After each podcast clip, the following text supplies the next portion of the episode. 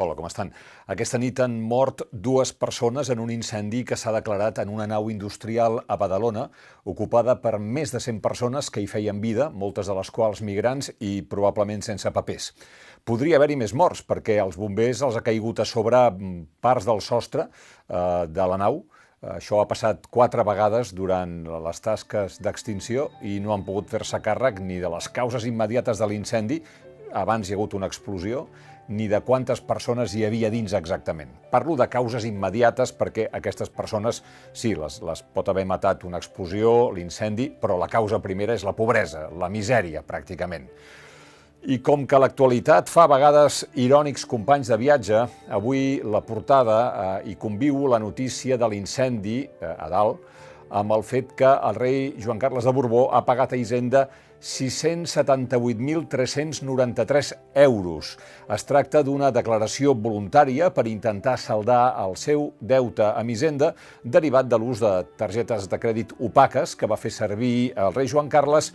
la reina Sofia i alguns dels seus nets entre el 2016 i el 2018, quan Joan Carles ja no gaudia d'inviolabilitat, perquè el rei ja era el seu fill. Aquest pagament suposa l'admissió d'un frau a les arques públiques i l'intent de frenar la investigació penal en marxa per possible delicte fiscal. És a dir, Joan Carles ha aprofitat que encara no hi havia cap investigació judicial per regularitzar eh, la situació i evitar així la via penal.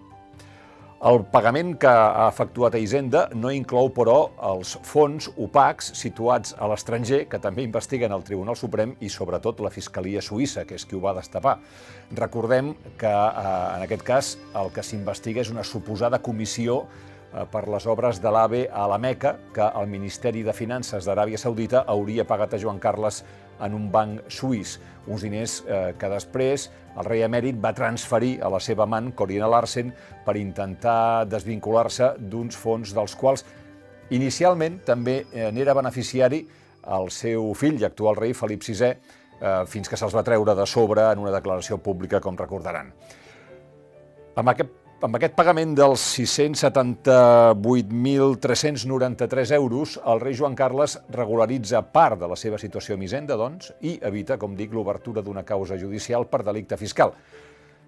Però ni regularitza la valoració de la seva conducta moral com a cap de l'Estat davant l'opinió pública,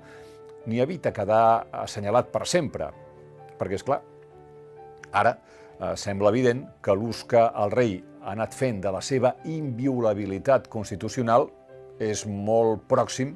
a la impunitat. Això, més el fet que quan la corrupció eh, rodejava ja els comptes i els comportaments econòmics del rei d'una manera indissimulable,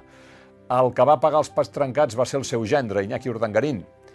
i ens vam haver de sentir dir de boca del mateix Joan Carles I el discurs de Nadal del 2011 que la justícia és igual per tothom, home, doncs no el deixa en gaire bon lloc. Deixo de banda, perquè és una qüestió que ell ha administrat com ha sabut, i no ho ha sabut fer gaire bé,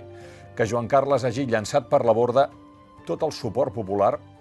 que va arribar a acumular en una època en què l'encens anava dojo,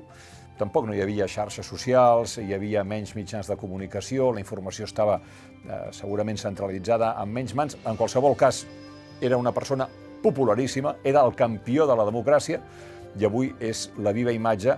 dels pitjors vicis de la monarquia, sobretot de la monarquia espanyola, els que deriven de l'opacitat que acaba fregant la impunitat. Joan Carles era un sant a l'altar de la transició i el bipartidisme, i com que